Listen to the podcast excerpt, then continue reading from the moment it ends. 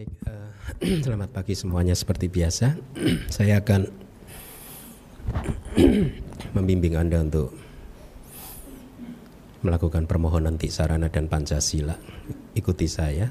Saya memohon, saya memohon, saya memohon supaya buah dari perbuatan buruk apa pun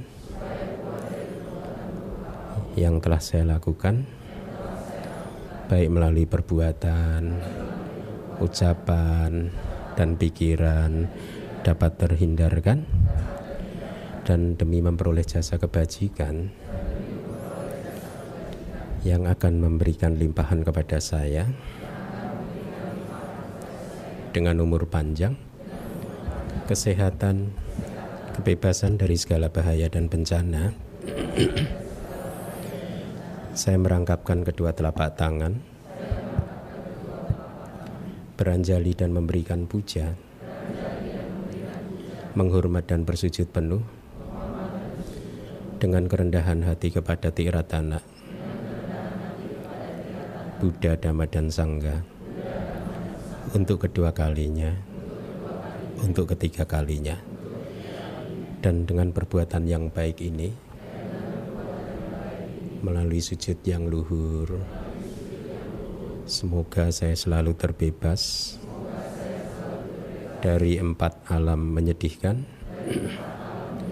tiga jenis malapetaka, delapan jenis keadaan yang tidak tepat,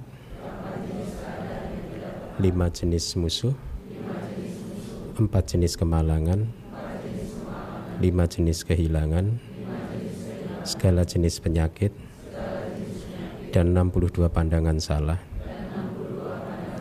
serta secepatnya mencapai jalan kebebasan.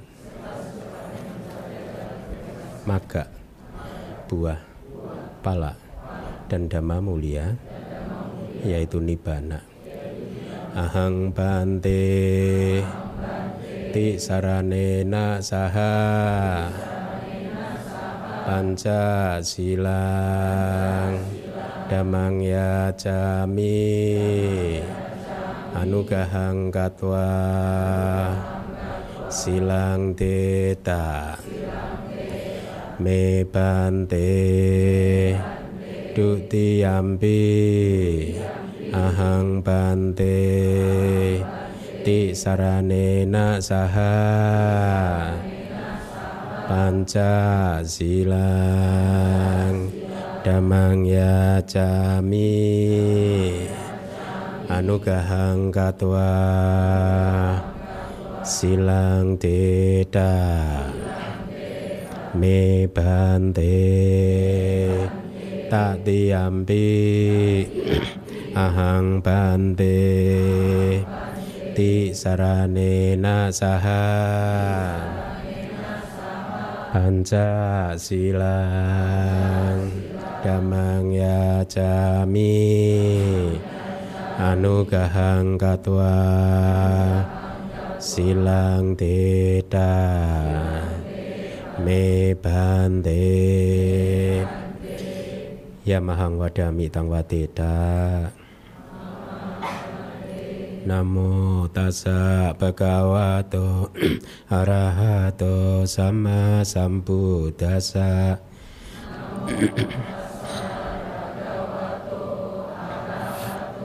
Budang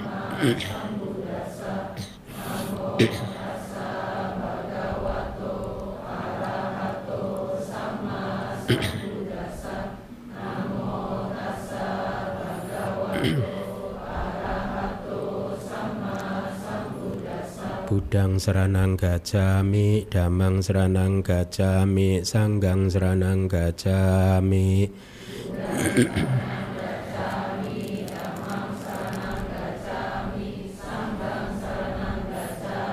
Dutiampi budang seranang gacami Dutiampi damang seranang gacami Dutiampi sanggang seranang gacami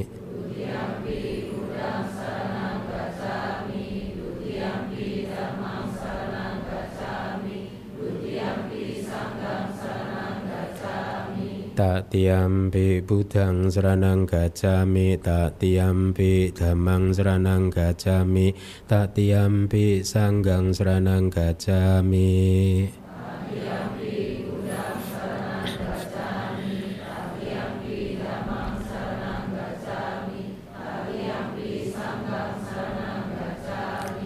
Sarana kahanang paripunang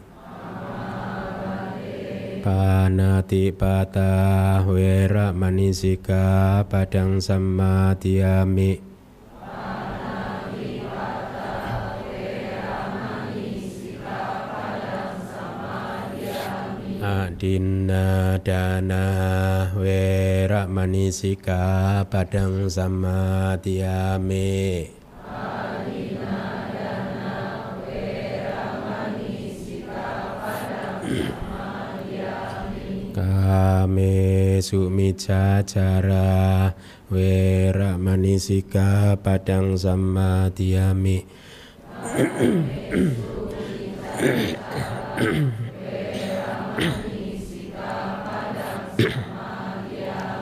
Musawada wera manisika padang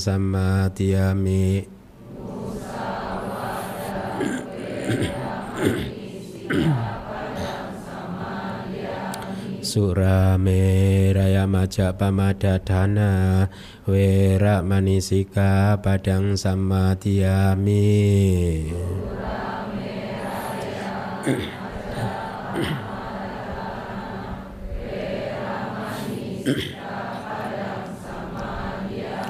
Idang me punyang Asawakaya wahang. Hotu idang me silang.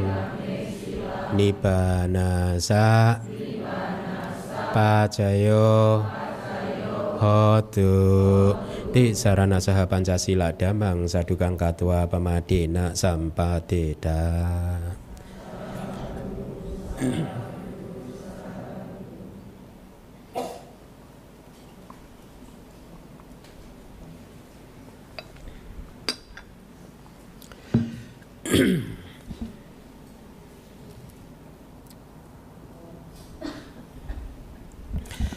Baik, eh, selamat pagi para upasaka upasika sekalian.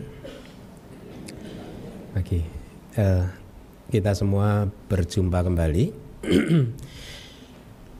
mulai minggu ini sudah mulai bulan persembahan jubah katina ya sudah banyak wihara melakukan apa perayaan persembahan jubah katina atau katina dana ya minggu depan juga DBS juga mengadakan di Mall Taman Palem ya. Ya, seperti biasa itu tradisi yang bagus. Uh, yang dilestarikan khususnya oleh DBS di dalam satu tahun terutama kita mengadakan perayaan besar hanya dua kali ya Waisak dan Katina juga ditambah tadi malam sebenarnya itu seminar Abidama sebenarnya dalam rangka merayakan Hari Abidama hari di mana Eh, Buddha Gautama dulu selesai membabarkan atau mengajarkan abidama di surga uh, Tawatingsa. Ya, jadi uh, itulah perayaan-perayaan besar yang DBS mencoba untuk merayakannya. Nah pagi hari ini saya akan mencoba untuk memperkenalkan kepada anda uh, suta, ya, cara belajar suta ya karena kita ini Buddhist studies jadi saya harus lebih mempertahankan apa uh, berusaha untuk mempertahankan visi misi kita. Jadi suta yang akan kita pelajari nanti akan kita coba saya akan uh, saya sudah terjemahkan dari suta pitakanya kemudian uh, biasanya kalau kita sangga di Myanmar itu kalau mempelajari suta kita tidak beropini tidak memahami suta dengan pendapat kita pribadi tidak. Itu disiplin yang dilatih oleh guru-guru kami di sana. Lalu bagaimana yang harus kita lakukan di dalam memahami suta? Ya, kita harus membuka kitab tafsirnya istilahnya ya, kitab komentar. Ya, nah kadang kenapa kita membutuhkan? Ah, saya akan ceritakan dulu apa itu kitab komentar. Kitab komentar itu ditulis oleh para guru di masa lampau. Ya, sebagian dari mereka arahat, Arya, yang lain gitu ya. Tapi intinya itu semua adalah tulisan para guru di masa lampau yang sudah diterima oleh sangga secara dari satu generasi ke generasi uh, selanjutnya dan usianya bahkan sudah ada pada saat zaman Buddha sendiri juga masih hidup. Jadi kira-kira proses mungkin saya sering membayangkan pada saat Buddha membabarkan dhamma itu karena sangat singkat ya. Maka ada murid-murid arahat yang lain yang menjelaskan dengan lebih detail lagi gitu. Ya sehingga umat awam bisa memahaminya ya. Dan penjelasan-penjelasan itu sudah disetujui oleh sangga bahwa kitab atau penjelasan yang ada di kitab komentar atha kata itu bahasa palinya itu sudah disetujui ya. Nah, kenapa kita di dalam mempelajari Tripitaka tidak hanya dalam mempelajari suta saja sebenarnya ya, pada saat mempelajari Winaya Pitaka juga kita membutuhkan kitab komentar. Pada saat mempelajari Abhidhamma kita juga membutuhkan kitab komentar ya. Kenapa kita membutuhkan kitab komentar? Karena sering kali di dalam Tripitaka itu kata-kata Buddha itu sedemikian singkatnya sehingga bisa mengundang berbagai interpretasi. Ya. Uh, dan hanya para arahat saja yang memahami sesungguhnya interpretasi yang dimaksudkan oleh Buddha. Oleh karena itu kemudian disusunlah kitab komentar. Sebelumnya itu kan semua itu dihafal di luar kepala Ya, jadi jadi komentar-komentar ini pun dulu dihafal di luar kepala bahkan sampai hari ini sangga di Myanmar pun masih menghafal di luar kepala sampai hari ini. Kawan-kawan saya itu udah banyak yang menghafal di luar kepala seperti kamus berjalan.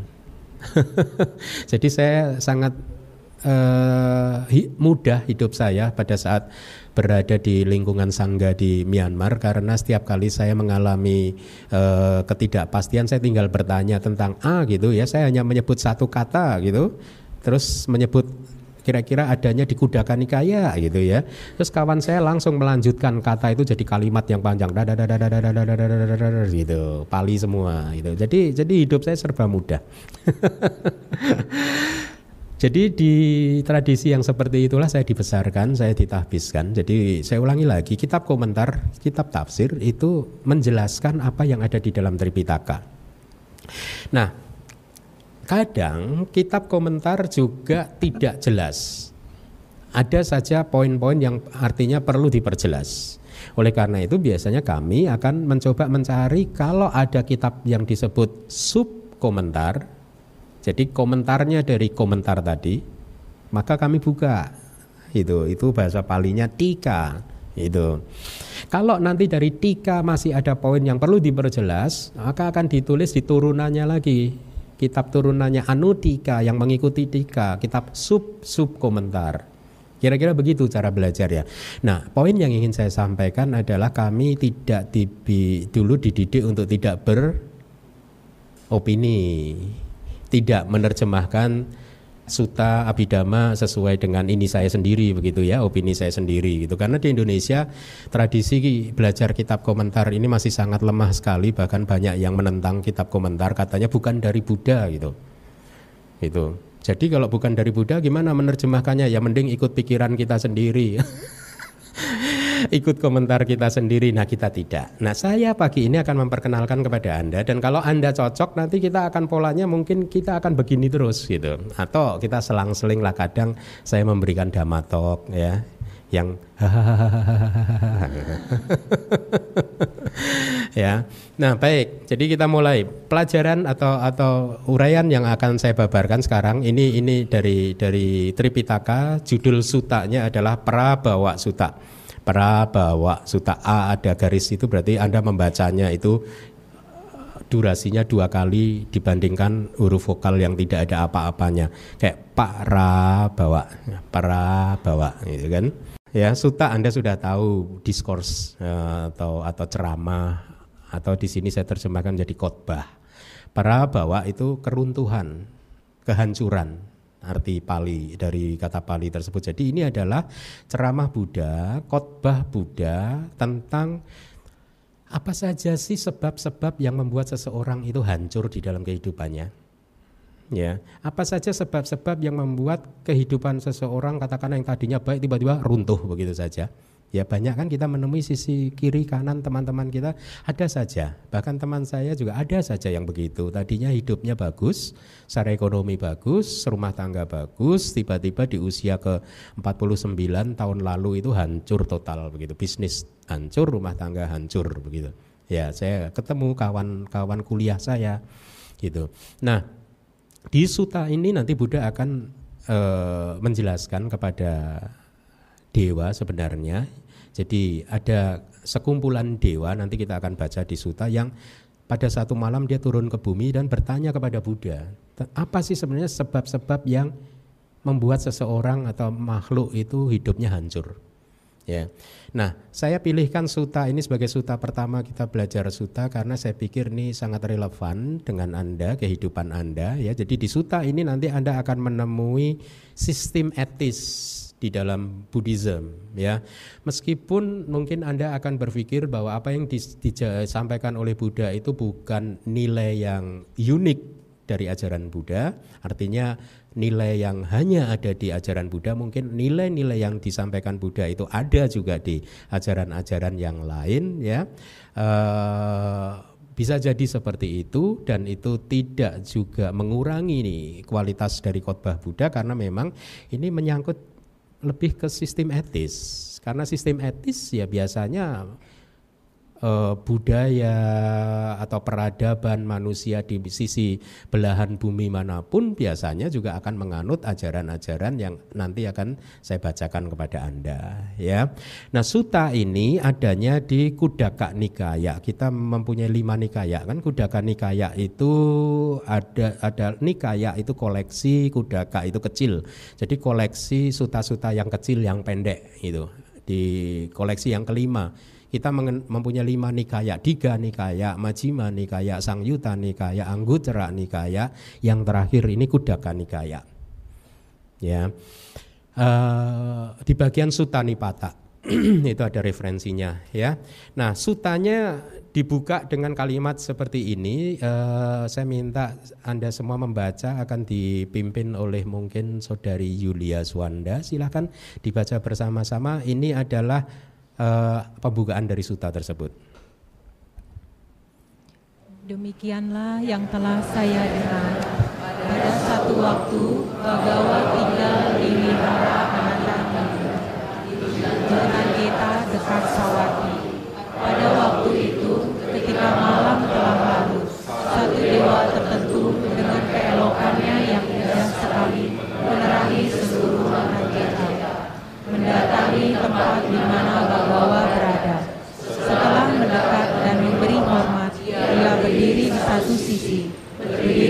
satu sisi, dewa tersebut berkata kepada Bagawa dalam bentuk syair. Jadi ini pembukaan ya, demikianlah yang telah saya dengar pada satu waktu Bagawa, itu nama apa atribut julukan untuk Buddha tinggal di wihara Anata Pindika. Anata Pindika itu sebenarnya seorang upasaka kan seorang umat laki-laki yang sangat murah hati. Umat laki-laki yang paling murah hati di zaman Buddha adalah Anata Pindika yang laki-laki, ya.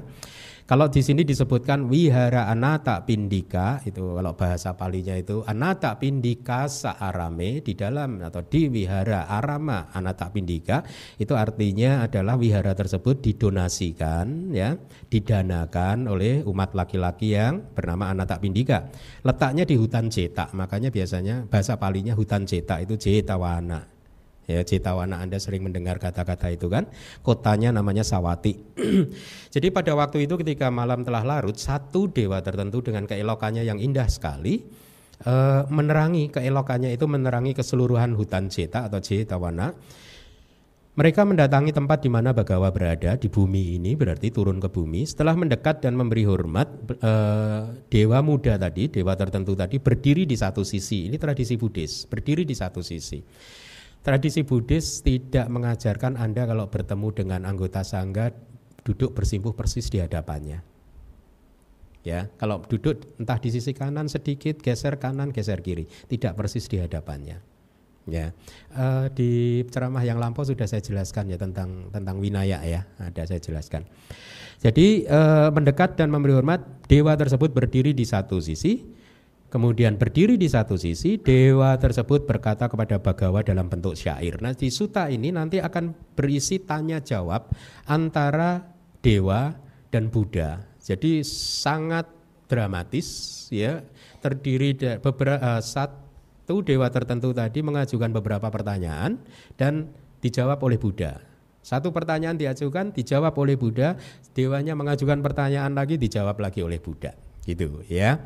Nah, saya akan mencoba untuk uh, oh Mas, ini masih dari sutanya. Silahkan dibaca kembali Yulia dan Anda semua. Kami bertanya kepada Gautama tentang seseorang yang mengalami kehancuran.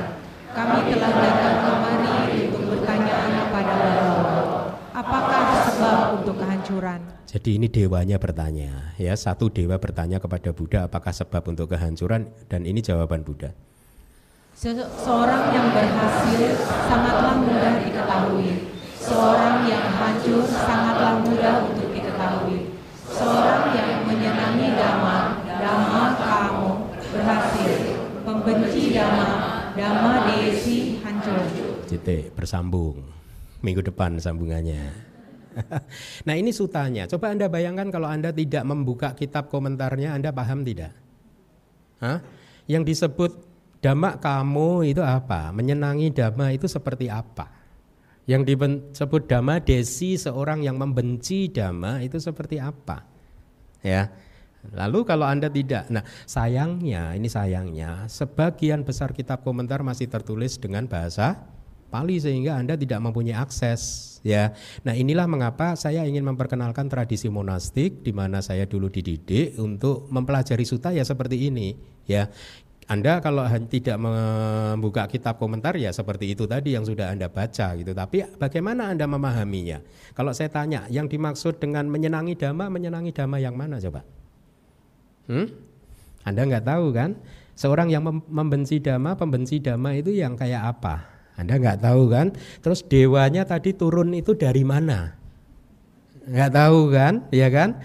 Terus e, bentuk ininya tanya jawabnya bagaimana? Kenapa dewa itu bisa bertanya? Hah? Bagaimana asal mula dari suta ini? Kapan suta ini dibabarkan? Anda nggak tahu kan? Hah? Ya kalau menurut saya sih suta ini dibabarkan sih kira-kira 600 tahun sebelum masehi sih Bante. Nah kan itu kan opini lagi. Kira-kira begitu. Nah, oleh karena itu kitab komentar menjadi sangat penting sekali karena ini ditulis oleh para guru uh, dhamma di masa lalu dan sudah dibakukan, diterima di konsili bahwa ini adalah penjelasan yang baku. Nah, mari kita lihat penjelasannya. Ini dari kitabnya. Kitab komentarnya di khotbah tentang berkah, jadi di khotbah tentang Manggala Suta, tentang e, berkah yang utama yang sudah kita pelajari. Aksewana cak balanang panditanan cak sewana puja cak puja neyanang ita manggala mutamang tidak berkumpul dengan orang yang tidak bijaksana bergaul berkumpul hanya dengan orang bijaksana dan seterusnya itu adalah berkah yang tertinggi. Setelah suta itu dibabarkan ya jadi kemudian uh, di sana ditulis bahwa di dalam suta tentang Manggala Suta tadi dengan wejangan dari Buddha tentang kemajuan di Manggala Suta tadi tentang kemajuan seseorang dan keselamatan para makhluk Bagawan atau Bagawan e, telah menjelaskan semua kemungkinan untuk keberhasilan seseorang ya sebab-sebab kesuksesan keberhasilan seseorang berkah ya yang tertinggi untuk kita semua ya tetapi beliau tidak menjelaskan tentang sebab-sebab kehancuran. Itu dewanya berpikir seperti itu ya. Nah, oleh karena itu ya sekarang ini uh, para dewa, mari kita bertanya kepada Buddha tentang sebab dari kehancuran kehidupan seseorang juga. Jangan hanya sebab keberhasilan saja, tetapi juga sebab kehancurannya itu apa tentang alasan mengapa para makhluk itu hancur dan binasa. Jadi saya mulai e, merubah terminologi-terminologi Pali saya dekatkan dengan bahasa Indonesia kayak kayak yang saya berikan ini Bagawan itu ada kita bahasa Indonesianya Begawan ya kemudian yang terakhir itu winasa itu binasa saya, saya, saya, daripada saya terjemahkan hancur ya winasa eh binasa gitu Ya, ya hancur binasa itu juga hancur. Uh, berantakan hidupnya itu ya. Jadi sekarang Anda tahu bahwa Prabawa Suta itu dibabarkan oleh Buddha kira-kira uh, satu hari uh, setelah selesainya pembabaran dhamma tentang Manggala Suta. Ya, uh, kemudian penjelasan yang lain. Uh, ya, tadi sudah saya sampaikan. Sehari setelah khotbah tentang berkah, tentang Manggala Sutta dibabarkan. Nah ini sekarang kronologinya. Lihat, para dewa dari 10 ribu cakrawala, bahasa palinya cakrawala, saya terjemahkan cakrawala karena kita mempunyai juga bahasa ini yang berarti alam semesta. ya. Jadi ada 10 ribu sistem alam semesta, 10 ribu galaksi gitu mungkin kira-kira kalau orang modern menyebutnya. Karena kita ini bukan satu-satunya galaksi yang dihuni oleh makhluk. Kalau menurut Buddhism, ada galaksi-galaksi lain yang jumlahnya puluhan ribu, ratusan ribu di suta lain bahkan Buddha mengatakannya, ratusan ribu. Di sini dikatakan 10 ribu. Tentu saja angka ini hanyalah ungkapan saja untuk menggambar, menginformasikan kepada kita bahwa banyak dewa dari sistem alam semesta atau galaksi yang lain berkumpul. Bahasa palinya dasak. Dasak kan 10, Anda mengenalkan dasak sila kan sahasa itu 1000 cakrawala. Jadi 10 ribu cakrawala berharap untuk mendengarkan khotbah tentang keruntuhan atau kehancuran. E, mereka semua berkumpul di satu cakrawala ini di bumi ini. Jadi banyak dewa berkumpul uh, di bumi ini ya. Jadi kita bayangkan setting waktunya pada waktu itu ya bahwa pada saat mereka para dewa itu menanyakan tentang sebab atau berkah yang utama, kalau Anda masih ingat kan para dewa tidak dalam satu pendapat tentang berkah yang utama, berkah uh, blessing itu seperti apa ya. Mereka berpendapat sendiri-sendiri kan, beropini sendiri-sendiri akhirnya mereka sepakat ayo kita tanyakan kepada Buddha. Kemudian bertanya dijawab oleh Buddha sehari Berikutnya mereka bertanya tentang sebab-sebab dari kehancuran. Kenapa? Karena mereka berpikir tidak hanya sebab dari keberuntungan saja yang perlu diketahui, tetapi juga sebab dari kehancuran. Ya manusia juga harus tahu gitu. Ya. Nah, mari kita lanjutkan. Ini juga masih dari kitab komentar ya. Setelah menciptakan tubuh yang lembut ini bercerita tentang para dewa sehingga ini eh, apa gambarannya 10 dewa, 20, 30, 40, 50 atau bahkan 80 dewa itu bisa mengecil menjadi seukuran dengan ruang di ujung satu helai rambut itu ekspresi di masa lalu ya. Jadi menjadi kecil sekali. Mereka berdiri mengelilingi Bagawa yang tengah duduk di tempat duduk yang terbaik yang disiapkan untuk beliau oleh para muridnya atau untuk para dewa tidak ada keterangannya ya sudah disiapkan untuk beliau. Tubuh Bagawa bersinar cemerlang mengalahkan kecemerlangan dan kemuliaan semua dewa Mara dan Brahma. Seperti yang Anda ketahui dewa Mara Mara itu juga dewa kan? Ya Brahma itu tubuhnya bercahaya ya. Dewa itu dewa diba diba bersinar. Di Indonesia kan gitu kalau ada penyanyi yang top apa? Diva. Ya kan? Ya enggak? Bersinar. Kira-kira begitu. Itu di itu bahasa-bahasa zaman India dulu gitu ya. Jadi dewa, Mara dan Brahma itu bersinar tubuhnya, tetapi itu pun masih kalah dengan cahaya tubuh wajah Buddha. Sangat bersinar itu ya. Sangat bisa dipahami karena Semakin bersih kondisi pikiran Anda, tubuh Anda, wajah Anda akan kelihatan bersinar. Saya bersinar enggak? Awas ya. bersinar dong ada lampu. Jadi itu kira-kira apa setting waktunya uh, apa asal mula dari suta tadi dijelaskan di kitab komentar ya. Kemudian pada saat dewa dari 10.000 sistem tata dunia atau atau galaksi ini berkumpul dewa Saka. Nah ini ada dari kitab komentar. Raja dari para dewa yang hadir di pada saat itu meminta salah satu dewa yang masih muda untuk bertanya kepada Buddha tentang apa sih sebab-sebab kehancuran itu? Apa itu sebab keruntuhan uh, dari seseorang ya? Jadi uh, de, yang bertanya adalah dewa muda itu karena disuruh atau diperintah diminta oleh uh, Dewa Saka. Kemudian atas pertanyaan yang diajukan Bagawa atau Buddha menjawab uh, satu persatu. Tadi di pembukaan Anda membaca demikianlah yang telah saya dengar eh Wang Me Sutang gitu kan ya. Itu sesungguhnya menunjukkan bahwa uh, kalimat itu diucapkan oleh Yang Mulia Ananda. Ya. Pada saat beliau meriwayatkan kembali dhamma yang uh, telah beliau dengar dari Buddha langsung di konsili besar yang pertama atau konsili yang pertama seperti yang kita ketahui kita mengenal kalau di ini sampai hari ini kita sudah melakukan enam konsili ya pertemuan besar untuk uh, mencocokkan lagi Tripitaka dan kitab-kitab komentarnya. Sudah enam kali konsili dan sangga dari seluruh penjuru dunia dipanggil untuk memberikan approval bahwa suta dan uh, kitab komentarnya ini uh, sudah uh, benar, tidak ada yang salah ya. Tetapi saya merasa bahwa karena zaman sudah berkembang sedemikian teknologi berkembang, mungkin konsili ke-7 8 sudah tidak begitu diperlukan. Karena semuanya sudah tertulis di internet. Jadi udah bisa di cross check cross check cross check gitu. Bahkan di laptop saya ini Tripitaka dan kitab komentar, sub komentar ada ada ya. Jadi sepertinya ini konsili ini sudah uh, kehilangan uh, kebutuhannya gitu. Nah, jadi kalimat demikianlah yang setelah saya dengar itu diucapkan oleh yang mulia Ananda. Kalimat tersebut ditujukan kepada 500 arahat ini dari kitab komentar ketika beliau ditanya oleh sesepuh Maha Kasapa Tera.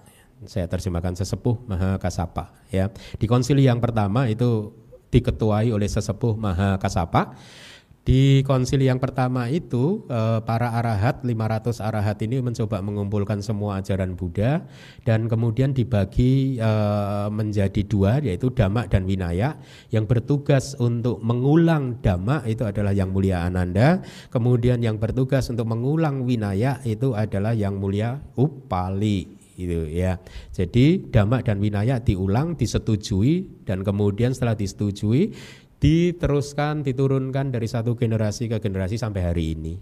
Ya, eh, sejak 2600 tahun yang lalu kita di Terawada memegang teguh apa yang sudah disepakati di konsili yang pertama itu, ya. Nah, dengan kalimat yang tadi demikianlah yang telah saya dengar maka yang mulia Ananda sesungguhnya satu Beliau sedang membebaskan dirinya sendiri dengan seolah-olah berkata bahwa saya bukan yang menciptakan suta ini, saya bukan yang mengajarkan suta ini. Ini semua tidak dialami oleh saya. Artinya begini. Yang mulia Ananda menjadi pembantu utama Buddha, asisten pribadi Buddha itu setelah 20 tahun mungkin atau 25 tahun ke masa kebudaan ya. Jadi sebelum itu itu Buddha memiliki asisten pribadi yang berganti-ganti ya. Nah, sebelum Yang Mulia Ananda menjadi asisten pribadi semua damatok, semua khotbah, semua suta abidama winaya yang telah disampaikan oleh Buddha, yang mulia Ananda tidak tahu, tidak mendengar.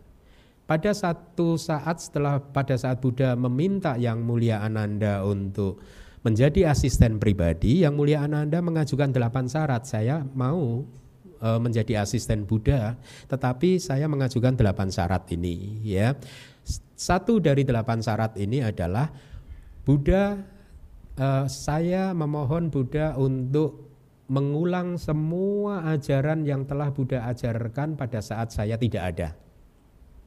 Dan di masa depan pun kalau saya tidak ada hendaknya Buddha juga mengulang kepada saya itu permintaan dari yang Arya Ananda dan disetujui oleh Buddha. Oleh karena itulah yang Arya Ananda bisa tahu suta, abidama, winaya apa saja yang sudah diajarkan oleh Buddha pada saat sebelum yang Arya Ananda menjadi asisten pribadi ya. Nah, jadi dengan kalimat demikianlah yang telah saya dengar sebenarnya Ananda yang mulia Ananda juga menegaskan bahwa apa yang beliau akan ucapkan nanti di suta ini adalah asli.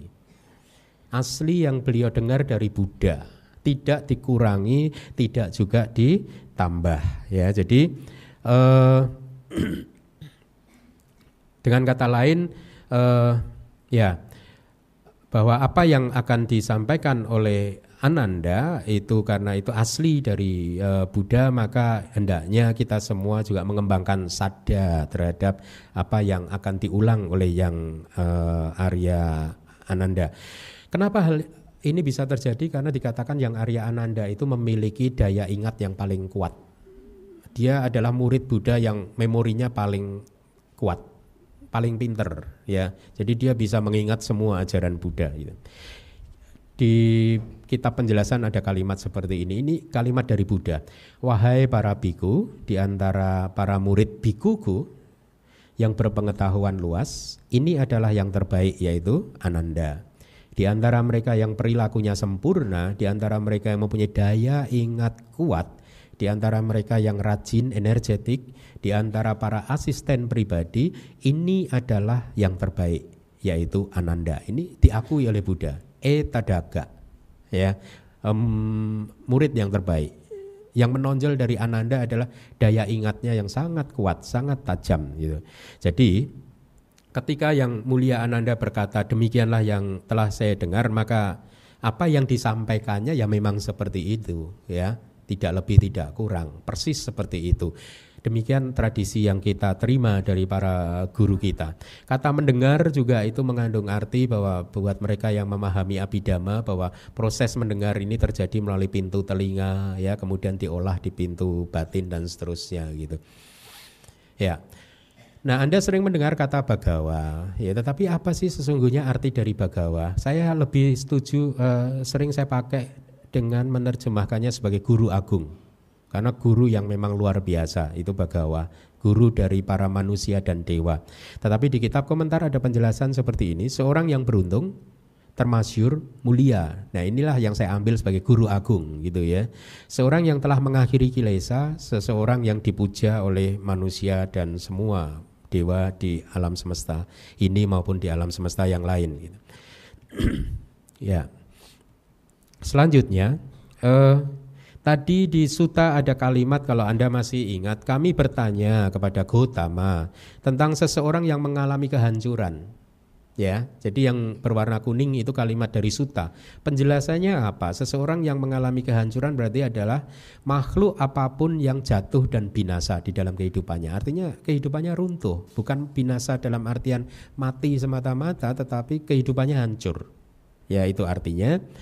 Uh, kemudian ada kalimat kami bertanya kepada Gotama, ya, dewa muda yang diminta oleh Saka tadi bersama semua dewa yang berkumpul menyapa Buddha dengan kata Bagawa yaitu nama silsil uh, uh, menyapa Bagawa dengan menggunakan nama silsilahnya yaitu Gotama. Gotama itu kan nama keluarganya kan? Ya memang tradisinya seperti itu. Bahkan tidak hanya dewa saja yang memanggil Buddha dengan panggilan Gotama tetapi pertapa-pertapa dari tradisi lain pun juga memanggil Buddha itu Gotama itu pertapa Gotama itu ya sama nak Gotama ya. E, jadi nama silsilahnya itu atau nama leluhurnya itu yang dipakai.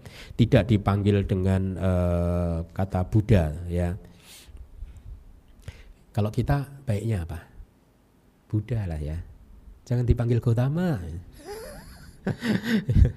kita memanggilnya guru agung itu bagus sekali guru agung saya suka istilah guru agung itu terus arti dari apakah sebab untuk kehancuran dari suta tadi jadi yang saya beri warna kuning sekali lagi itu adalah kalimat yang ada di suta kemudian yang eh, putih itu adalah kitab komentarnya ya Artinya adalah apakah sebab yang mengakibatkan seseorang jatuh di dalam kehidupannya? Apakah asal mula dari kejatuhan seseorang? Perbuatan apa saja yang membuat kita ini tahu bahwa eh teman kita ini sedang menuju ke kehancurannya? Kira-kira begitu ya. Jadi e, suta ini sangat-sangat menarik dan tentu saja harusnya sangat bermanfaat buat Anda supaya Anda bisa menghindari dari kehancuran e, di dalam kehidupan ini ya. Jadi uh, dan yang lebih penting lagi adalah uh, dari mendengarkan ini kita bisa mengaplikasikannya, bisa menghindari mengaplikasikannya di dalam kehidupan. Artinya apa? Tidak melakukan eh, sebab-sebab uh, yang nanti disampaikan oleh Buddha yang hanya akan membuat kehidupan seseorang runtuh ya. Kalau saat ini mungkin hidup kita, hidup Anda itu sedang baik ya. Tetapi kalau Anda tidak tahu ajaran Buddha, Anda tidak tahu sebab-sebab yang membuat seseorang hancur, maka bisa jadi Anda melakukannya. Nah inilah mengapa pentingnya belajar dhamma karena Anda mendapatkan informasi-informasi yang bermanfaat tentang hal-hal yang hendaknya tidak Anda lakukan, tidak kita lakukan di dalam uh, kehidupan ini gitu. Dengan mengetahui semua sebab kehancuran, ini masih dari kitab komentar. Semua yang saya tulis di slide ini saya terjemahkan dari kitab komentar ya. E, maka kita bisa tahu siapa saja yang sedang menuju ke kehancuran di dalam e, kehidupannya. Selanjutnya, apa yang dimaksud dengan kalimat dari uh, Buddha bahwa seseorang yang berhasil itu sangatlah mudah untuk diketahui? Artinya adalah seseorang yang berkembang dan tidak jatuh di dalam kehidupannya itu bisa diketahui dengan mudah atau tanpa kesulitan ya. Ini sebenarnya kalimat ini mudah untuk dipahami ya. Uh, kemudian seseorang yang hancur itu juga sangatlah mudah untuk diketahui penjelasannya seperti yang Anda lihat yaitu seseorang yang jatuh dan binasa bisa diketahui dengan mudah dan uh, tanpa kesulitan. Buat mereka yang memahami dhamma, seorang yang sedang menuju ke kehancuran mudah untuk dilihat. Buat Buddha mudah dilihat dan nanti kalau kita sudah tahu buat kita pun juga mudah dilihat eh si A ini sedang menuju ke kehancurannya. Kenapa kita bisa mengatakan begitu? Karena dia sedang melakukan ini itu. Dia saat ini memang belum hancur, tapi apa yang dilakukan ini akan membawa dia ke kehancuran. Kita bisa bisa kira-kira mengerti bahwa jalur kehancuran ini sedang dilewati oleh seseorang. Kira-kira seperti itu, ya. Uh, mari kita lanjutkan. Nah, ini penting.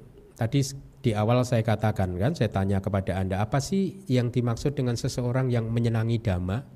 Nah sekarang Anda mendapat penjelasannya bahwa seseorang yang menyenangi dhamma akan mendapatkan keberhasilan di dalam kehidupan ini yaitu seseorang yang ini ingat-ingat nih diperhatikan menyukai dhamma, mencintai dhamma, beraspirasi untuk mempraktekannya, mendengarkan dhamma dan menjalankan dhamma yang disebut sepuluh jalan kama baik.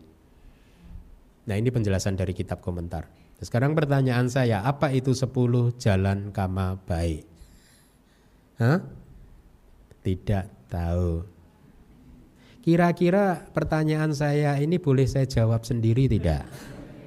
Boleh ya. Sepuluh jalan kama baik dibagi menjadi tiga pintu kama. Kama tubuh, kama ucapan, dan kama pikiran. Kama tubuh itu ada tiga yaitu menghindari dari pembunuhan, ya, kemudian menghindari pencurian, kemudian menghindari persinahan. Kama yang melalui pintu ucapan ada empat yaitu apa? Berbohong, berkata-kata yang tidak benar, kemudian apa lagi? Memfitnah, kata-kata kasar dan omong kosong. Cicet, cicet, cicet, cicet, cicet. Nah itu udah karma buruk lewat ucapan. Ucapan uh, bergu, apa, berkata-kata yang tidak ada manfaatnya. Itu udah jalan karma buruk loh. Tiga karma yang melalui pintu pikiran yaitu apa? Keserakahan. Keserakahan hanya di pikiran saja loh. Hanya di pikiran. Seperti apa? Misalkan nih, teman Anda mempunyai handphone yang bagus, kemudian keserakahan Anda, ketamaan Anda muncul, yaitu oh, enak ya kalau itu handphone itu saya jadi milik saya ya, saya ambil aja ya gitu. Hanya di pikiran saja itu. Itu udah karma buruk pikiran. Yang kedua karma buruk pikiran adalah eh ini tadi 10 karma baik ya. Berarti menghindari dari itu. Tidak berpikir tentang ketamaan yang seperti itu, tidak berpikir tentang yang kedua adalah niat jahat. Niat jahat itu apa sih? E, ya niat jahat. Kita berpikiran mudah-mudahan dia celaka. Mudah-mudahan dia binasa. Mudah-mudahan dia keluar dari sini keterap jatuh. Nah, hancur. Hanya memikirkan seperti itu saja sudah 10 jalan, salah satu dari 10 jalan kama buruk. Berarti 10 jalan kama baik adalah menghindari pikiran yang seperti itu. Ya. Kemudian yang ke sepuluh yaitu pandangan yang benar. Ya, mempunyai pandangan yang benar. Itu karma sepuluh jalan karma baik melalui pikiran. Ya, jadi seseorang yang menyukai, mencintai, beraspirasi, mendengarkan dan menjalankan dhamma yang disebut sepuluh jalan kama baik, jadi dia menjalankan dhamma yang disebut sepuluh jalan kama baik, maka dia sedang menuju ke keberhasilan. Seseorang yang menyukai mendengarkan dhamma, ceramah-ceramah dhamma, dia juga sedang menuju ke keberhasilan. Anda sudah mendengarkan dua tahun dhamma, Anda berada dalam jalur keberhasilan. Ya. Paling tidak hidupnya nyaman, tentram, damai ya. Mulai bijaksana, mulai sabar dan seterusnya itu itu keberhasilan ya. Nah, mari kita lanjutkan. Bukankah orang yang seperti itu mudah kita ketahui?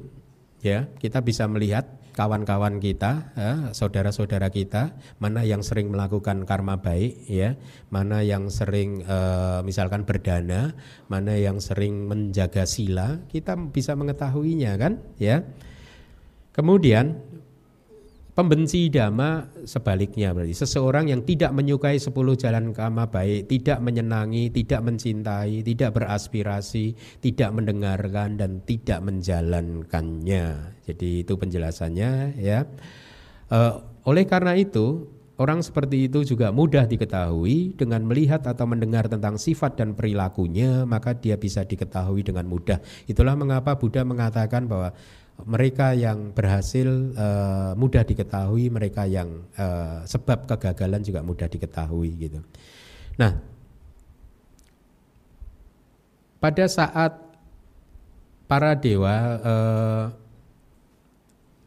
mendengarkan penjelasan dari Buddha tadi, ya, maka kemudian para dewa bersukacita, ya, terhadap apa yang telah disampaikan oleh Bagawa. Ya, dewa tersebut kemudian e, berkata, demikianlah e, kami mengetahui hal ini. Jadi artinya inilah sebab yang pertama yang disampaikan oleh Buddha tentang sebab dari kehancuran seseorang, yaitu apa? Sebab kehancuran seseorang membenci dhamma, pembenci dhamma, tidak menyukai dhamma, tidak beraspirasi untuk mempraktekkan dhamma, tidak mendengarkan dhamma, ya, tidak mempraktekkan sepuluh jalan kama yang baik yaitu adalah sebab dari keruntuhan.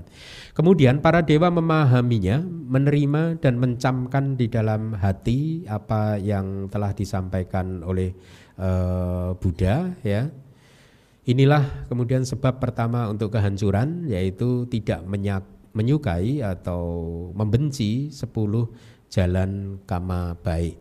Ya, jadi dengan demikian ajaran yang disampaikan oleh Buddha juga mengandung arti mendorong kita semua untuk terus melakukan karma baik dan menghindari rasa tidak suka untuk melakukan karma baik ya. Kita ulangi lagi karma 10 jalan karma baik itu apa saja? Yang karma baik? Hmm? mama mama mama mama apa saja Pakai mikrofon bisa Yulia? Menghindari pembunuhan, ya. menghindari pencurian atau pengambilan ya. barang yang tidak diberikan, ya. menghindari berzina, ya. menghindari ucapan bohong, ya. menghindari ucapan fitnah, ya. berkat, menghindari berkata kasar, menghindari bergunjing, ya. menghindari keserakahan, menghindari niat jahat dan berpandangan benar. Ya, bagus itu ya. Jadi para bawa suta yang pertama sebab-sebab keberhasilan meskipun yang ditanya adalah sebab kehancuran tetapi kita sekarang harus uh, ini kan bahwa sebab keberhasilan berarti mempraktekkan 10 jalan kama yang baik menghindari uh, 10 jalan kama buruk gitu ya. Oleh karena hal tersebut, maka seseorang mengalami kehancuran karena dia tidak menyukai 10 jalan kama baik, ya. Dia sedang uh, mengalami kehancuran atau bahkan sedang berada di dalam uh, kehancurannya gitu. Jadi dengan demikian uh, kita akhiri sebab yang pertama dari suta tadi. Sadu, sadu, sadu. Uh, namo Buddhaya Bante, saya Doni mau bertanya uh, perihal yang 10, 10 jalan kamar yang baik tadi kan tidak basa uh, basa basi atau bullshit ya tidak omong kosong ya saya jadi membayangkan begini, mohon di, dijelasin nanti Bante. Kalau seseorang yang biasanya jualan ya, biasanya jualan gitu. Ya kita sebagai penjual misalnya kita oke okay, say hi, halo, apa kabar ibu. Nah, terus yang di, sana, wah ini basa basi mesti ini. Ada akhirnya dia suruh saya jual gitu. Nah itu bagaimana yang supaya menghindarilah itu. Ya bagus, bagus. Ini sekali lagi ini pentingnya kitab komentar ya jadi hal-hal seperti itu muncul juga pertanyaan itu muncul di masa lalu dan dibahas di dalam kitab komentar uh, yang dimaksud tidak atau menghindari percakapan yang kosong di dalam kitab komentar dijelaskan ini mohon maaf kepada tradisi lain ya tapi ini yang ada di kitab kita uh, seperti atau mungkin saya jadi di kitab komentar ini mengatakan tentang cerita-cerita tertentu gitu, itu termasuk omong kosong gitu. Tapi hikayat ini karena ini menyangkut tradisi yang lain, saya tidak mau mengatakan karena sekarang lagi marak penistaan agama. Nanti daripada daripada gitu. Jadi kalau di, diaplikasikan di dalam kehidupan modern itu bercerita tentang sinetron tentang bioskop. Wah itu best eh apa sih? Udah lama nggak nonton bioskop. Film yang paling laris itu istilahnya apa? Bukan box office. Nah, gitu. Itu film itu box office sudah nonton belum gitu. Ceritanya begini begini begini begini begini hebat sekali loh jagoannya begini. Kemudian yang antagonisnya begini. Nah, kira-kira seperti itu. Di kitab komentarnya itu menceritakan bahwa men, ber, membahas cerita-cerita yang tadi ya ada disebut itu adalah berkata-kata yang tidak bermakna kosong tidak bermakna tidak ada manfaatnya tetapi di dalam kitab komentar juga dijelaskan kita masih boleh membicarakan sinetron ya atau cerita-cerita tadi yang ada di kitab komentar tadi atau kalau zaman modern cerita sinetron atau cerita bioskop Asal kita kemudian membahasnya sesuai dengan dharma. Oh iya ya, itu lihat si antagonis itu. Hidupnya waktu-waktu melakukan kejahatan di awal memang enak ya, tetapi akhirnya hancur juga. Ya. Kira-kira seperti itu. Si jagoannya itu ya, awalnya hidupnya susah tapi dia sabar, akhirnya happy ending story. Nah, itu. Si A sama si B itu waktu pacaran ditentang orang tuanya tapi mereka cintanya sejati akhirnya nikah bahagia, happily ever after Sayang cerita itu adanya di bioskop aja. Kira-kira begitu. Jadi uh, bercerita tentang tentang cerita-cerita yang kosong tidak bermakna. Kemudian kita terlibat di sana dan menghabiskan waktu gitu, membahas dari A sampai Z tanpa pernah menghubungkannya dengan dharma. Membahas misalkan si antagonis itu Eh, kebenciannya itu kuat sekali, kalau si jagoannya itu cinta kasihnya kuat sekali, kira-kira seperti itu penjelasannya. Jadi nggak apa-apa sih kalau anda sedang terlibat dalam apa tadi uh, sales jualan, asal jangan melanggar sila yang keempat. oh ini terbaik Ci. Yeah nomor satu di, di sini. kira kira begitu ya. Oke. Okay. Ya berikutnya sudah. Sukyoto Bante. Dari 10 jalan kama baik, kenapa kok yang sila kelima dari Pancasila tidak termasuk? Sila yang kelima kok tidak termasuk? Di dari... satu di satu sisi banyak penjelasan yang mengatakan bahwa sila kelima itu bisa menyebabkan kehancuran juga. Yeah, Tapi yeah. di sisi, di sisi ini kok tidak ada penjelasan itu. Yeah. Terima kasih Bantu. Sila kelima kenapa kita menghindari minuman beralkohol ya?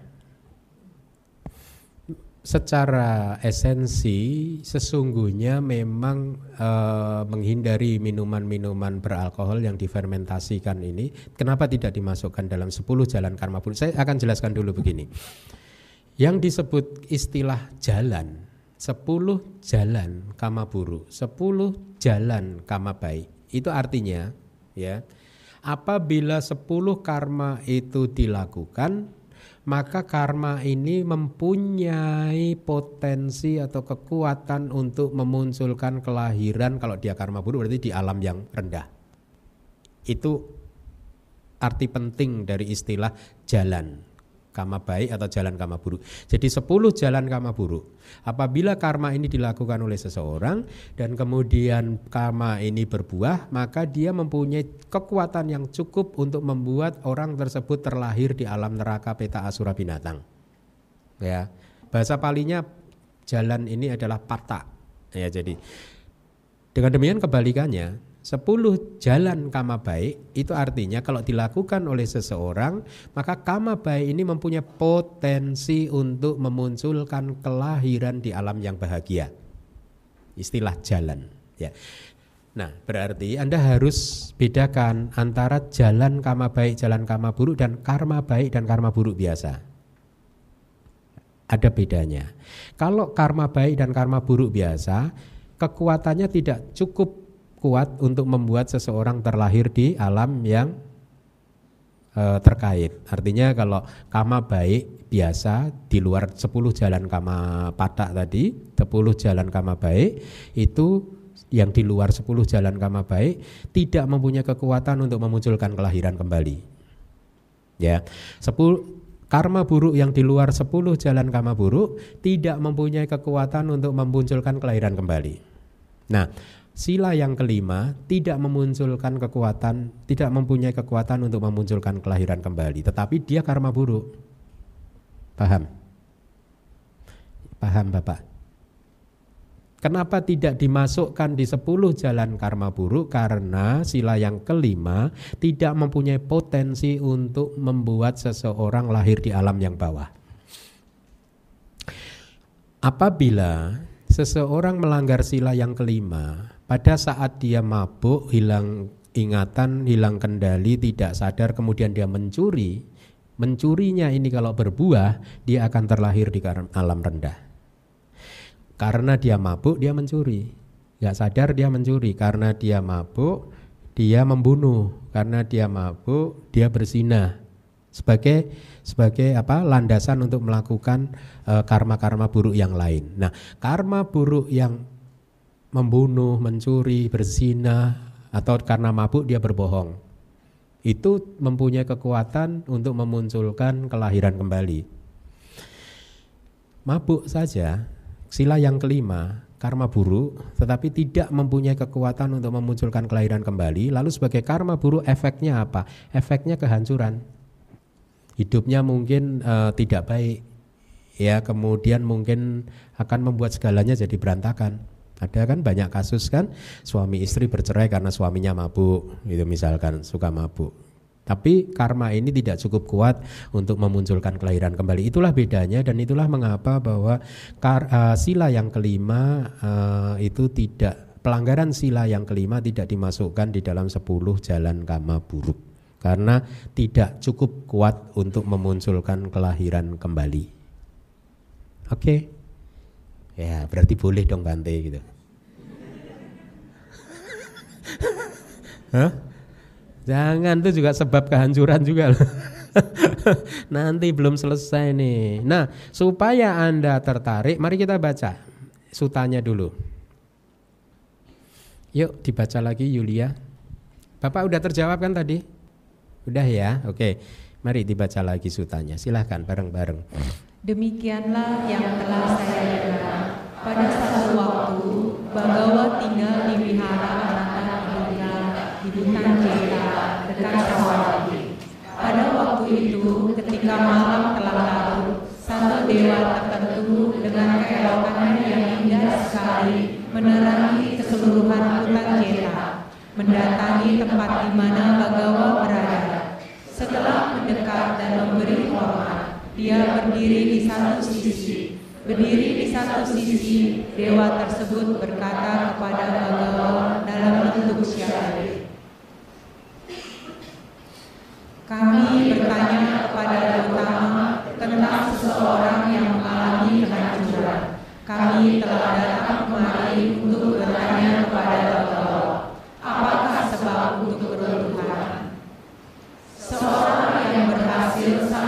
mudah diketahui, seorang yang hancur sangatlah mudah untuk diketahui.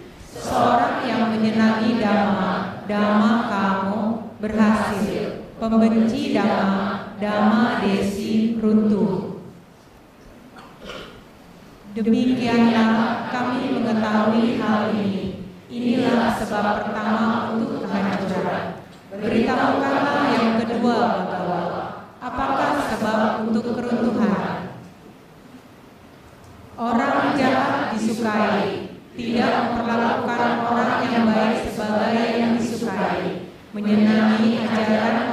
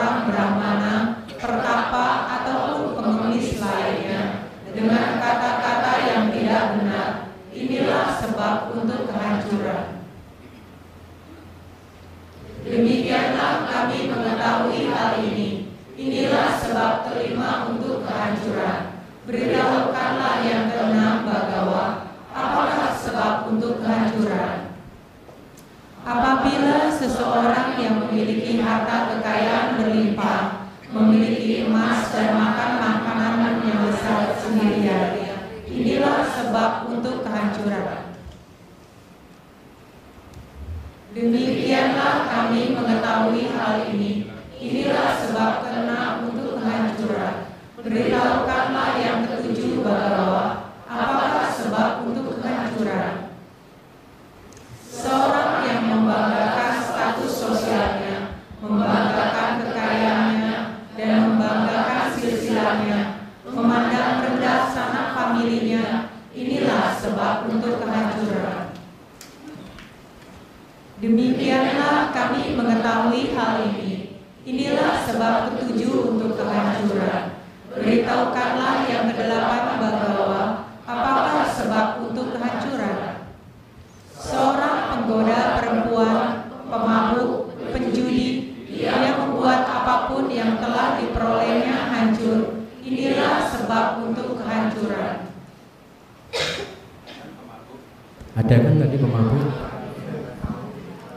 Iya, lagi.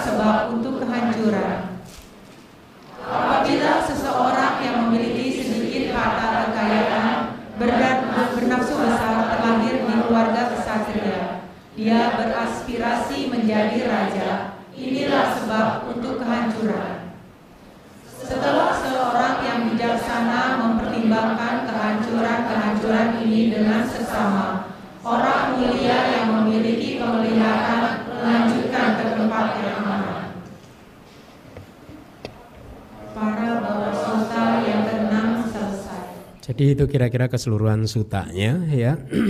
Sangat singkat-singkat seperti itu dan itulah mengapa kalau kita membuka kitab komentar menjadi sangat menarik ya. Bagaimana penjelasannya? Tunggu tanggal mainnya. Segera tayang di channel langganan Anda. Baik, ada pertanyaan lagi?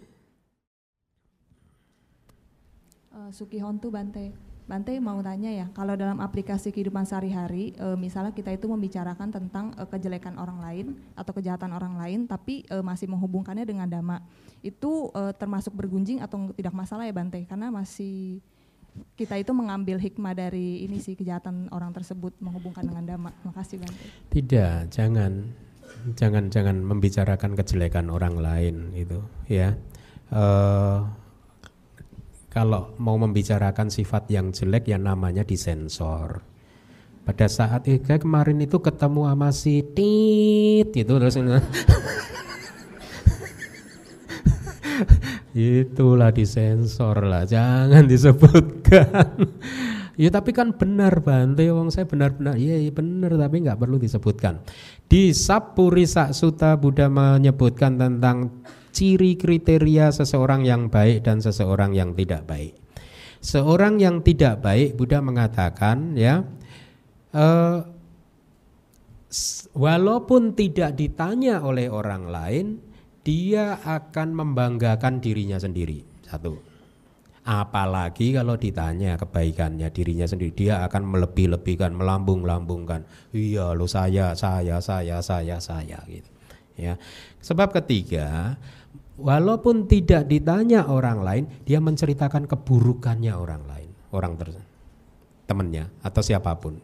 Apalagi kalau ditanya, makin semangat dia seburukannya ini begini. nah itu ciri orang baik. Kalau anda menceritakan keburukan orang lain, maka anda masuk dalam kategori yang dikatakan oleh Buddha asapurisa, seorang yang tidak virtuous, tidak bermoral, tidak baik gitu. Jadi sama definisi orang baik menurut Buddha apa? Walaupun tidak ada yang kalau tidak ada yang bertanya, dia tidak akan menceritakan uh, kebaikan dirinya sendiri gitu. Ya.